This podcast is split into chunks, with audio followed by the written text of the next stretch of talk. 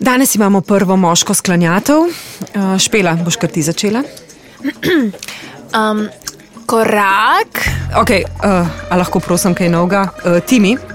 A, profesorica Eter. Končno! Končno.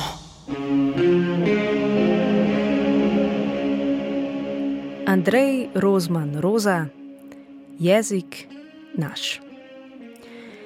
Jezik naš, ki si nam v mislih, za vse na svetu daj nam svoje ime. Bodi še naprej naše kraljestvo in nam daj, da si mislimo po tvojih zakonih. Kakor na samem, tudi javno. Daj nam danes naše vsakdanje zgodbe in odpusti nam naše napake, kot jih tudi mi odpuščamo svojim sogovornikom, in ne preženi nas v angleščino, ampak nam omogoči čim več dobrega. Izet Sarajlič, srednja generacija.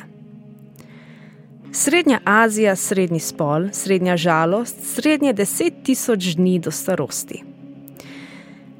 Pisali smo, srednja generacija je popadla vojni, zdaj smo sami srednja generacija.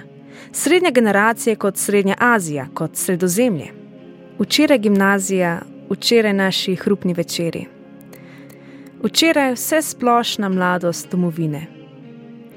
Včeraj tri ure po vojni.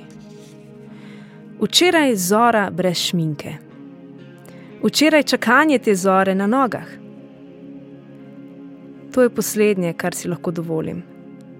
Do konca življenja, do konca ljubezni. Ostati srednja generacija. Peter Semulič, ideja. Samo ideja je, kot sta naprimer Bog ali nacionalna država.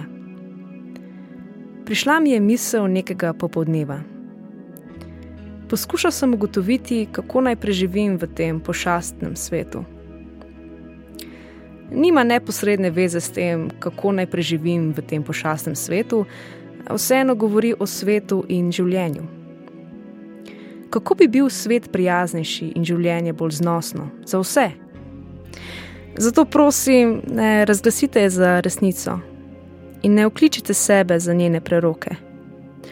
Ne najamite ekonomistov in pravnikov, ki jo bodo razumeli na način govorjenega dejanja in začeli z uničevanjem ljudi in vsega živega. Morda bo še najbolje, če je ne zapišem, če ne povem nikomur. Morda bo še najbolje, če jo pozabim tudi sam. Posvečeno vsakomur, ki je poslušal. Brala Mojca Jevšek.